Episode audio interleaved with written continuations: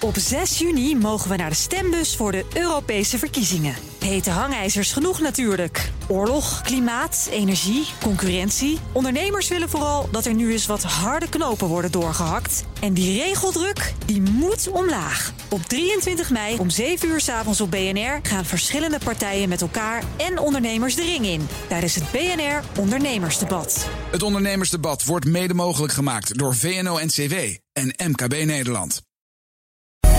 Ondernemerspanel.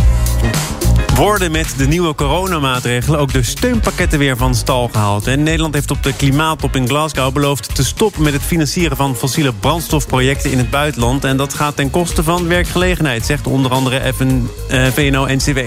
Dat en meer bespreken we in het eh, ondernemerspanel live vanaf de Omnichannel Day 2021 van Abovo in Amsterdam, vanaf Strand Zuid. En daar is gelukkig ook Hans Biesheuvel, voorzitter van ONL, Ondernemend Nederland. Fijn dat je er bent. En Quinten Schevernels, investeerder. En ja, ook nog een tijdje vertrekkend CEO van Funda. Zeven weken nog, ja. Oh, aftellen geblazen? Die beetje, ja. Waarom eigenlijk? Je ziet er wel naar Afte- uit. Ja, ja, ja, tuurlijk. Ja, nee, als je besluit hebt genomen om weg te gaan... dan wil je dat netjes overdragen. Maar dan wil je ook zeg maar, aan eh, het nieuwe leven weer beginnen. Nee, Ja. maar omdat er nog van alles op het eh, programma staat. Je denkt nog na over de strategie van het bedrijf. Er dient nog een zaak bij de ondernemingskamer. Dus het zijn eh, niet zomaar zeven weken waarvan je denkt... goh, hoe zal ik dat nou eens vullen? Nee, ik ben er wel druk mee, ja. Ja, klopt. Ja. Wat is je nieuws van vandaag? Nou, nieuws ja, van vandaag, eigenlijk van deze week. Heel opvallend vond ik. Elon Musk, die op Twitter vraagt of, het, of mensen het een goed idee vinden... dat hij 10% van zijn aandelen in Tesla gaat verkopen. Met als argument omdat hij dan belasting kan betalen. Nou, prachtig, hè? Ja, en nou ja, dan wordt er daarop gestemd. En dan blijkt dat hij eh 3% van zijn aandelen ook daadwerkelijk heeft verkocht. Maar dat blijkt dan toch weer dat hij dat deels eigenlijk al moest van de autoriteiten in Amerika. En ja, waarom is dat nieuws? Ja, het is een fascinerende man die geweldige dingen doet. En af en toe ook een soort onnavolgbaar. Ja, bizar. Maar is het zo onberekenbaar, wispelturig... dat het ook een risico wordt? Ja. Of Ja, denk ik wel. Denk ik wel. Ja, dus ik vind hem wel eh, allerlei dingen die hij doet, is ongelooflijk indrukwekkend. Maar af en toe heeft het iets zo onvoorspelbaars en volgen mensen dat. En weet zit je niet- erin eigenlijk in Tesla? Of, Nee, eh, nee, nee, nee. Vanwege Elon? Nee, dat niet per se hoor. Nee, nee. Ik heb daar gewoon. Het is enorm hoog gewaardeerd. Ik denk wel een beetje te hoog, maar nee, nee, nee. Maar er, er wordt zo af en toe wel gezegd dat hij onder curatele staat... of eh, gesteld zou moeten worden. Dat hij zijn tweets moet voorleggen... voordat er weer iets ongecontroleerds naar buiten gaat. Ja. Dat werkt nog niet helemaal optimaal, volgens mij. Nee, nee, hij is wel ietsjes voorzichtiger geworden, maar hij, hij trekt gewoon zijn eigen plannen. Hij had pas natuurlijk ook dat hij, eh, er werd er gezegd, als hij 1% van zijn vermogen beschikbaar zou stellen, dan zou de voedselcrisis zijn opgelost. Waarop hij direct zei: eh, dat stel ik bij deze beschikbaar aan de Verenigde Naties. Alleen ze moeten wel een open boekhouding hanteren. Heeft hij nooit meer iets van hun gehoord. Maar ja, ja. Hans, je, je luistert hiernaar en je denkt ook... ehm, Elon Musk en ik, daar zit nog een wereld van verschil tussen. Neem ik aan. Ja, want ik verkocht Bouten Moer en verfkwasten. Dus dat is een heel ander soort ondernemerschap. Maar eh, dat kan ook met pieken en dalen gaan... met een nodige wispelturigheid. Zeker. Nou, en ik heb wereldwijd eh Bouten Moeren en verfkwasten mogen verkopen. Misschien wel meer dan een Tesla's rondrijden. Wie weet. Ja, ja, ja, ja. En dat ging inderdaad met piek en dalen. Dat is gewoon zo. Maar ja, als je meer dan 30 jaar ondernemer bent, dan weet je dat het niet allemaal eh, langs één rechte lijn gaat. Nee, dat weet jij natuurlijk als geen ander. Ik weet niet of jouw nieuws van de dag ook meteen is wat we toch al gingen bespreken, namelijk die coronamaatregelen en waar ondernemers eh, zich op eh, moeten voorbereiden. Dat bespreken we dus sowieso, maar het, het gaat je ook echt persoonlijk weer na aan het hart. Hè? Je, je gaf net aan dat je nauwelijks geslapen had. Nee, eigenlijk niet vannacht. Maar dat komt natuurlijk ook omdat de afgelopen dagen ja, het nieuws een beetje over elkaar heen buitelde. Ook heel veel onzekerheid en onduidelijkheid is in politiek Den Haag. Dat is eigenlijk waar ik me het meeste zorgen over maak. Je merkt dat de hoofdrolspelers, eh, Rutte, Wopke, Hoekstra, het ongelooflijk druk hebben. Ze moesten naar de G20, ze moesten naar Glasgow, ze moeten de formatie leiden en dan komt dit er overheen. En je merkt, ze zijn gewoon zoekende. Eh, het is niet echt duidelijk eh, ja, hoe dit nou allemaal weer ontstaan is op zo'n korte termijn. En ook de maatregelen is onvoldoende lang van tevoren over nagedacht. Ja. Ja, dat is natuurlijk zorgelijk. En nou, dat houdt me inderdaad uit de slaap. Want ja, als, ik, als dan het nieuws van vandaag is, dan zeg ik ja, toch de teleurstelling en de woede bij heel veel ondernemers dat dit nu weer op hun bord terechtkomt. Ja, dat, dat grijpt me echt bij de keel. We komen daarover te spreken. Eerst naar, je noemt het al even, Glasgow. Het kabinet sloot tijdens de Glasgow-top een overeenkomst om te stoppen met investeringen in fossiele projecten in het buitenland. En VNO-NCW onder andere is daar niet over te spreken. Wijst op het verlies van 13.000 banen. Die 13.000 staan inmiddels weer ter discussie, omdat staatssecretaris Velbrief in een Kamerbrief het had over 2000 banen. Daar zit nog wel licht tussen. Maar laten we het allereerst even hebben over de stap die toch is gezet. In tweede instantie. Quinten, is dat een, goede stap? Ja, ik ben geen specialist op dit terrein, maar ik heb het idee dat dat echt wel een goede stap is. En dat de consternatie meer is omdat het een beetje uh, onverwachts was dat ze van links naar rechts gingen. Maar ja, ik denk uiteindelijk, je moet wel gewoon uh, je verantwoordelijkheid nemen. En als je daadwerkelijk, zeg maar. Uh, het klimaat wil redden, ja, dan moet je echt wel dingen gaan doen. En dan vind ik ook als Nederland, als ontwikkeld land, dat je daar toch moet proberen voorop te lopen. Ook al gaat dat soms ten koste van werkgelegenheid. Als je dat slim doet, ontstaat er ook weer nieuwe ja, werkgelegenheid. Dat is natuurlijk ook uh, wat VNO-NCW-voorzitter Thijs te verwerken kreeg hè, als kritiek. Uh, je zegt nu dat er heel veel banen verloren gaan. Vanuit de andere hoek wordt dan met name gezegd... een energietransitie kost banen, maar levert ook weer banen op. En dat sommetje zou je wat eerlijker kunnen presenteren. Ja, ja, dat denk ik ook. Hans, hoe, hoe kijk jij hiernaar? Want VNO-NCW zegt onder andere... ja, maar wij waren al in gesprek over het vergroenen van onze activiteiten... en over hoe de overheid er dan een bijdrage aan zou kunnen leveren... via verzekeringen eh, van exportkredieten. En dan in één keer dit. Begrijp je wel de verontwaardiging? Nou ja, ik ben met Quinten eens. Ik denk dat de richting die het kabinet kiest gewoon de goede is. Hè. Er is maar één weg voorwaarts. Dat is eh, verduurzamen, inzet op energietransitie en de circulaire economie. Waar ik het wel mee eens ben, is dat het kabinet natuurlijk een soort zwabberkoers eh, vaart. En dan ineens dit weer op tafel legt. Terwijl we het niet zien aankomen. Kijk, waar de politiek slecht in is, dat is gewoon een managen van de verwachtingen. En dat is hier, denk ik, slecht gebeurd. Eh, en overigens, ja, Ingrid Thijs, die zich altijd voorstaat op dat ze zo duurzaam is en toekomstgericht is, uh, moet dat, neem ik aan, toch onderschrijven dat dit de enige weg uh, voorwaarts is. Ja, Goed. Het gekke is wel, want daar gaat het politiek gezien dan ook alweer over. En jij weet ook wel hoe je zaken onder de aandacht moet brengen. Dat er zo'n groot verschil zit tussen die 2000 banen van Velbrief in de Kamerbrief en de 13.000 banen waar Ingrid Thijssen het over heeft. En er is ook weer een rondgang gemaakt, ik geloof door het FD. Herkennen jullie dit aantal? Nou, nee, eigenlijk komt dat een beetje uit de lucht vallen. Dat is wel hoog spel dan. Dat is hoog spel. Maar goed, ja, je weet hoe dat gaat met lijstjes. Hè. Iedereen, je kan natuurlijk ieder getal eruit laten komen wat je wil. Nou, dus ik, ik hecht daar even in in ik de kunst van het lobbyen. Ja, je nee, maar ik hecht een selectieve shopper. Nee, maar weet je, ik hecht daar veel minder waarde aan. Kijk, ik ben het heel erg eens. Dit, het, toekomstige verdienmodel van Nederland wordt bepaald door de keuzes die we nu maken. En ik, ik ben het helemaal met de keuze van het kabinet eens. Alleen, ze moeten het bedrijfsleven beter meenemen. Ze moeten de verwachtingen beter managen. En nogmaals, het levert heel veel banen op. Dat zien we nu al gebeuren door heel Nederland heen. Dus voor het verdienmodel van Nederland is het gewoon de goede richting. Maar als je een, een kant kiest, en dan kom ik op een tweet die ik tegenkwam van uh, oud DNB-directeur en ook econoom Lex Hoogtuin, dan gaat het ervoor zorgen dat niet iedereen daar in gelijke mate van gaat profiteren. Hij tweette: Het zal gaan kraken in het VNO tussen de winnaars en de verliezers. Dit is peanuts.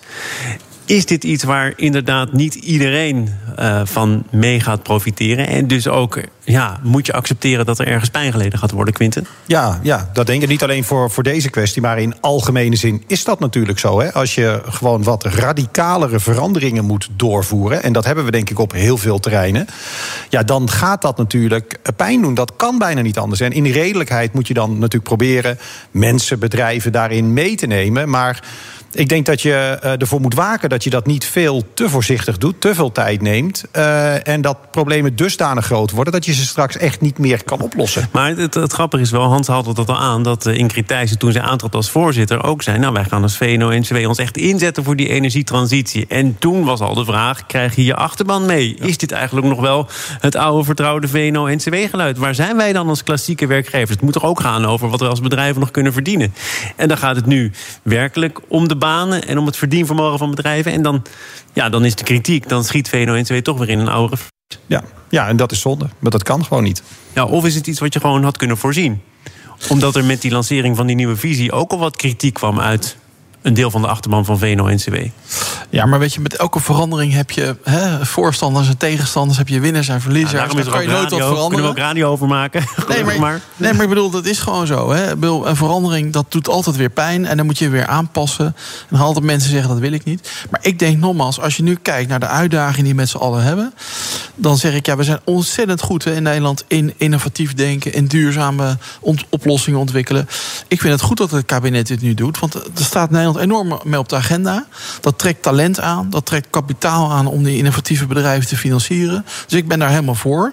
Maar nogmaals, het verwachten, managen van de verwachtingen, dat moet echt een stuk bij. over die, die nieuwe innovatieve bedrijven hebben we het zo meteen. Nog even over de oude industrie, want die is er wel degelijk. En dat is ook een belangrijke motor van werkgelegenheid. De woordvoerder van Van Oort zei in het FD... verduurzaming lijkt in Nederland inmiddels alles te overvleugelen. Terwijl ook energiezekerheid en betaalbaarheid van energie... een rol in de overweging zou moeten spelen om fossiel af te bouwen. Tuurlijk. Is het zo dat als je kunt zeggen het is duurzaam... dat dan vervolgens alle stemmen verstild zijn... en iedereen zegt dat moeten we doen?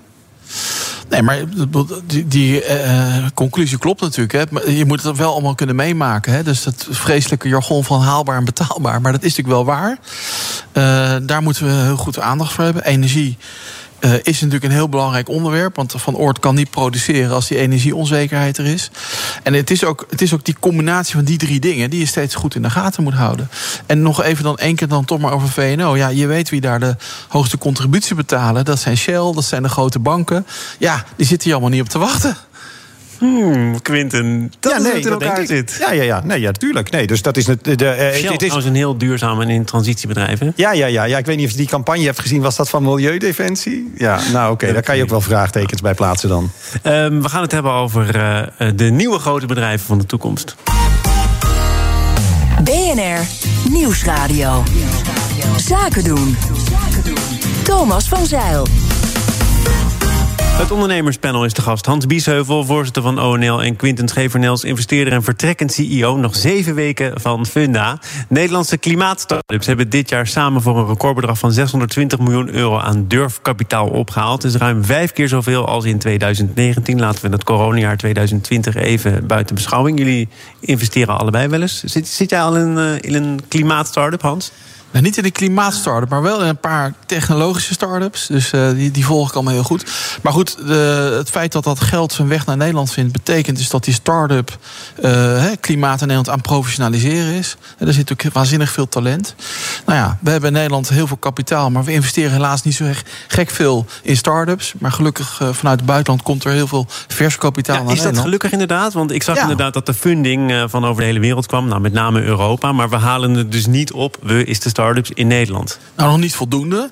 Uh, maar goed, je ziet die start-up uh, wereld die professionaliseert steeds meer. Dus ik ben ervan overtuigd dat ook Nederlandse investeerders daar meer aandacht voor zullen gaan krijgen. Maar ik ben blij dat, dat, dat het kapitaal niet alleen maar aan je landsgrenzen denkt, maar denkt: hé, hey, dit zijn gewoon goede ondernemers, dit zijn innovatieve bedrijven. Daar moeten we in investeren. Hoe kijk jij ernaar als investeerder? Ja, ja, en nou, ik, CEO van Funda mag ook gewoon ja, hoor. Maar ja, hoe kijk je ernaar? Nee, ik vind het natuurlijk heel mooi aansluiten op het volgende onderwerp. Hè. Hier hebben we het over de werkgelegenheid van de toekomst. Hè. Dat, dat is dit, dat wordt hier gefinancierd. Uh, ik denk dat dat een enorme opportunity is voor, voor Nederland. Ik vind het eigenlijk een beetje minder relevant of het geld nou uit het buitenland komt of niet. Wat ik eigenlijk belangrijker vind, is dat het uh, Nederlandse bedrijven zijn, Nederlandse werkgelegenheid, Nederlandse kennis, Nederlandse innovatie.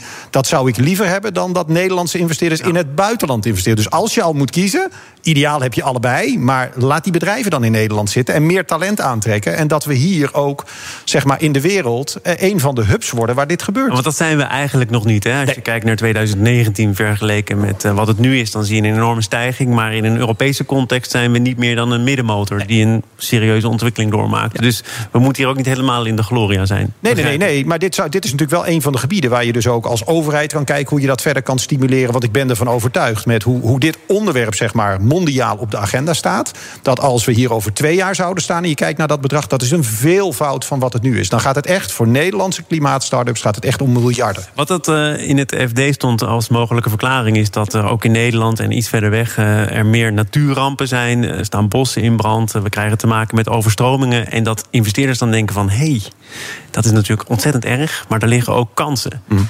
Is dat de manier waarop je daar naar moet kijken? In plaats van dat je Giro 555 uh, iets moet overmaken? Ja, ja, dat denk ik wel. Heel vaak is Giro 555 is een soort van uh, na de ramp. Ja, hoe kan je dat preventief doen? Daar zijn natuurlijk een aantal bedrijven gewoon mee bezig... hoe je dit preventief kan gaan doen. En wij zitten in potentie natuurlijk wel echt in een rampgebied. Ik, ik woon hier ietsjes verderop, geloof ik, min 4 NAP. Oké, okay. dus moeten we toch wat gaan oplossen. Ja. Anders ja. wordt dat wel een maar probleem. Maar zit je er al in dan? Wat? Voor je eigen, ja, alleen al voor je eigen hachje zou je moeten investeren ja, ja, in een klimaatstartup. Ja, ja, ja, ja. Nee, ik ben wel betrokken bij een aantal van die bedrijven, ook als investeerder. Maar dat zit dan meer in de hoek van, uh, van voeding, zeg maar. Dus duurzamere voeding. Dat, dat is waar ik dan een beetje meer verstand van heb. Als het gaat echt om dat CO2-reductie, noem maar op, daar, daar ben ik niet deskundig genoeg. Hans, altijd eh, deskundig genoeg om iets te zeggen over een persconferentie die nog moet gaan plaatsvinden. Maar er is al het een en ander gelekt. Ja. Sterker nog, je hebt zelfs al het een en ander daarover kunnen zeggen op BNR. Voor de mensen die niet om zes uur 's ochtends eh, wakker waren omdat ze wel konden slapen. Ehm, jij hebt onder andere gepleit voor eh, steunpakketten. Maar wat ik ook wel opvallend vond is, jij zei ondernemers die van lockdown naar lockdown gaan, dat moet je eigenlijk niet willen.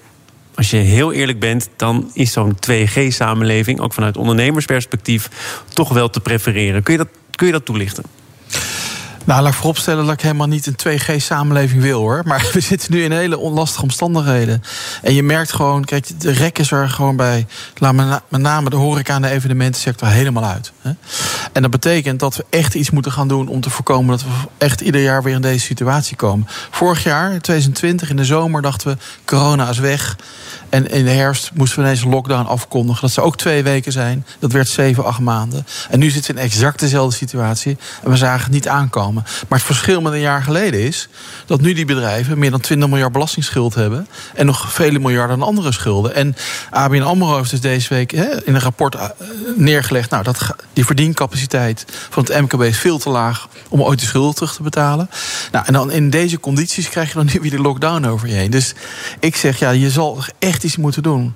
Om, dat, om hier structureel uit te komen. Maar dan Nou, zeg je dus ik- 2G. Nou, met het, met dus- het mes op de keel. Luister, met het mes op de keel zeg ik... de enige weg voorwaarts is veel meer vaccineren. Ik heb mijn collega's in Spanje en Portugal gesproken. Daar is de vaccinatiegraad boven de 95 procent. Daar draait de economie gewoon door. Nou, ligt niemand in het ziekenhuis. Overigens wordt er wel dan ook eh, terecht bij gezegd... daar worden ook gewoon de regels gehandhaafd. Hè? Anderhalve Ja, meter, eens. we dragen mondkapjes. Dus het is niet alleen maar het wonder van de hoge vaccinatiegraad. Wij Nederlanders hebben ook wel vrij veel... omdat dat allemaal mocht, weer losgelaten. Nee, maar klopt. En dat, dat, dat, dat denk ik ook dat dat een van de basisvergissingen is geweest. Door, om dat veel te snel allemaal in één klap los te laten. Je zag in de zomer eigenlijk al dat het aantal besmettingen bleef relatief hoog. Boven de 500 per dag. Terwijl een jaar geleden was het 50 per dag. Dus je kon eigenlijk in de statistiek al zien dat het niet helemaal lekker ging. Toch hebben we toen alles losgelaten. Nou ja, daar krijgen we nu een hoge rekening voor. En met name al die ondernemers krijgen weer die hoge rekening gepresenteerd. Nou, de, het is gepresenteerd ook door het OMT als eh, lockdown-achtige maatregelen. We moeten natuurlijk kijken naar wat het wordt. Maar inmiddels begrijp ik dat bioscopen en theaters eh, wellicht de dans zouden ontspringen. Dat horeca eerder dicht moet, maar eh, vanaf 7 uur. Eh, mag je dat eigenlijk wel, Quinten, een lockdown noemen? Nee, ik denk dat het woord lockdown dan te makkelijk zeg maar, wordt gebruikt. Waarmee ik helemaal niet, zeg maar, als je een café hebt, ja, dan is dit voor jou natuurlijk echt verschrikkelijk. Maar ook de eerste lockdown die ik me herinner, hè, dat was echt een lockdown. Daar zat je gewoon thuis, binnen, scholen dicht, noem maar op. Dat is niet de intelligente lockdown, hè? Nee, Dan nee. begrijp ik. Ja, we moeten even terug in Ja. de geschiedenis. We hebben het beestje verschillende namen Nee, maar dat, dat, dat, dat is echt een lockdown. Maar ik ben het wel echt met, met Hans eens. Dat het, het ging allemaal wel heel makkelijk. Gewoon allemaal maar open. En dan ben je in het buitenland geweest. Kom je terug in Nederland. Je bent helemaal eraan gewend. Overal mondkapje, noem maar op. En ja. Zit ook een beetje iets naïefs dan wel in. En als je op deze manier de rekening gepresenteerd krijgt... en dat geldt natuurlijk niet voor iedereen... maar er zijn behoorlijk veel ondernemers... die, die hier weer heel hard door worden geraakt. Er zit natuurlijk geen vet meer op Nou, de vraag is bij wie de rekening gepresenteerd wordt. Hè? Ja. Daar is natuurlijk nu de discussie over. Daar heb jij je ook over uitgelaten. Moeten er dan weer steunpakketten worden opgetuigd? Of moeten we de regelingen die we al kennen, TVL, NOW, weer eh, van stal halen? Minister Blok heeft eerder laten weten... ja, dat is niet een eeuwigdurend eh, feestje op deze manier. Het is natuurlijk sowieso geen feestje, maar we moeten daar ook vanaf. Er is een soort aanpassingsvermogen nodig in de economie. En als je structureel in de problemen komt... en structureel kan ook zijn iedere winter dan moeten we dat als overheid ook gaan heroverwegen... of we daar dan wel steun voor beschikbaar stellen. Ik kom zo meteen bij jou, Hans. Maar wat vind jij daarvan? De- nou, ik vind het wel dat je daar echt je keuzes moet gaan maken. En ook selectiever moet zijn als overheid. Ja, natuurlijk moet je dat doen. Want iemand pakt die rekening op. En dan kan we zeggen, oh, de overheid doet dat. Maar de overheid zijn ook weer wij. En het is niet zo dat wij een bankrekening hebben staan die onbegrensd is. Dit is allemaal staatsschuld. Inflatie kan ik je op een briefje geven. Oktober Amerika, meer dan 6% Wat denk je dat wij gaan krijgen? Rente nu heel laag. Wat gaat er komen? We kunnen ook dat probleem, hoe graag... Ik, ik gun al die ondernemers dat, dat ze geholpen worden. Maar ik heb ook jonge kinderen. En over 20 jaar moeten we ook een gezonde economie We hebben. gaan, we gaan naar hand, echt- want dan slaapt hij morgen weer niet. wat is jouw reactie? Nou, heel simpel. Kijk, eh, eh, zeker voor de horeca en de evenementensector zal er op korte termijn steun moeten komen. Want anders gaan een groot deel niet overleven. Zo simpel ligt het. Maar ik ben het helemaal eens. Kijk, ik wil dit, deze situatie Je, nee, helemaal maar niet. je bent het er dus wel mee eens. Je moet op een gegeven moment naar minder royale steun. Nou, kijk. Steun, hè, dat moet altijd tijdelijk zijn. Hè? Alleen, er worden nu besluiten genomen hè, door een overheid... waar je als ondernemer nul invloed op hebt. Die zaak moet dicht. Ja, dan kan je niet verwachten met de lastige situatie... die ik net beschreven heb van al die schulden... dat je dat even als ondernemer opvangt. Dus ik vind op de korte termijn steun ze. Maar ik wil nog een aspect aanhalen, Thomas. En dat vind ik misschien nog veel belangrijker. Dat is gewoon de mentale toestand. Hè? Kijk, vorig jaar in oktober was het oké. even twee weken de horeca dicht. Het was precies dezelfde eh, discussie. Even twee weken de horeca dicht. Dan redden we het wel met z'n allen zeven maanden geworden, plus nog een avondklok. Hè? Dus dat is de angst die nu bij iedereen in de, in de benen zit. Oh jee, ze roepen nu twee weken of drie weken. Het wordt straks weer de hele winter. En, en de mentale gesteldheid bij heel veel ondernemers... die is echt niet goed op dit moment. Dus los van die financiële steun, dat is één ding. Maar we zullen ook echt de helpende hand moeten bieden om het vol te houden. En wat is dat dan, de helpende hand bieden? Want dat wil je dus niet vernauwen tot een financiële bijdrage, begrijp ik? Nou ja, nee, maar kijk, financieel is natuurlijk één ding. Maar welk perspectief heb je nu? Ik bedoel, eh, je kan... welk, welk, perspectief durf jij hier dan hardop uit te spreken? Nou, ik kan dat niet uitspreken. Maar weet je, we krijgen nu te horen met 16.000 besmettingen moeten we dit doen. Maar wanneer kunnen we het weer terugdraaien? Ik bedoel, dan mag je straks wel naar de bioscoop bij spreken, naar het theater. Maar je mag dan niet naar een restaurant waar je geplaceerd zit. Leg het mij uit wat het verschil is. Je mag wel naar het voetbalstadion. Nou... Niet naar het voetbalstadion. Nee, maar niemand die het precies weet. Hè? En waar dat dan allemaal op gebaseerd is. En dat maakt mensen boos en onzeker. Ik kan je geen eh, goede nachtrust garanderen, Hans. Maar ik vond het wel fijn dat je er was. Dank Hans Biesheuvel van ONL. Quinten, ik ga jou nog niet bedanken, want jij komt uh, na de nieuwsupdate gewoon terug als beoordeler van de pitch. Ja, leuk. Dus tot dan. Op 6 juni mogen we naar de stembus voor de Europese verkiezingen. Hete hangijzers genoeg natuurlijk. Oorlog, klimaat, energie, concurrentie. Ondernemers willen vooral dat er nu eens wat harde knopen worden doorgehakt. En die regeldruk, die moet omlaag. Op 23 mei om 7 uur s avonds op BNR gaan verschillende partijen met elkaar en ondernemers de ring in. Tijdens het BNR Ondernemersdebat. Het Ondernemersdebat wordt mede mogelijk gemaakt door VNO-NCW en MKB Nederland.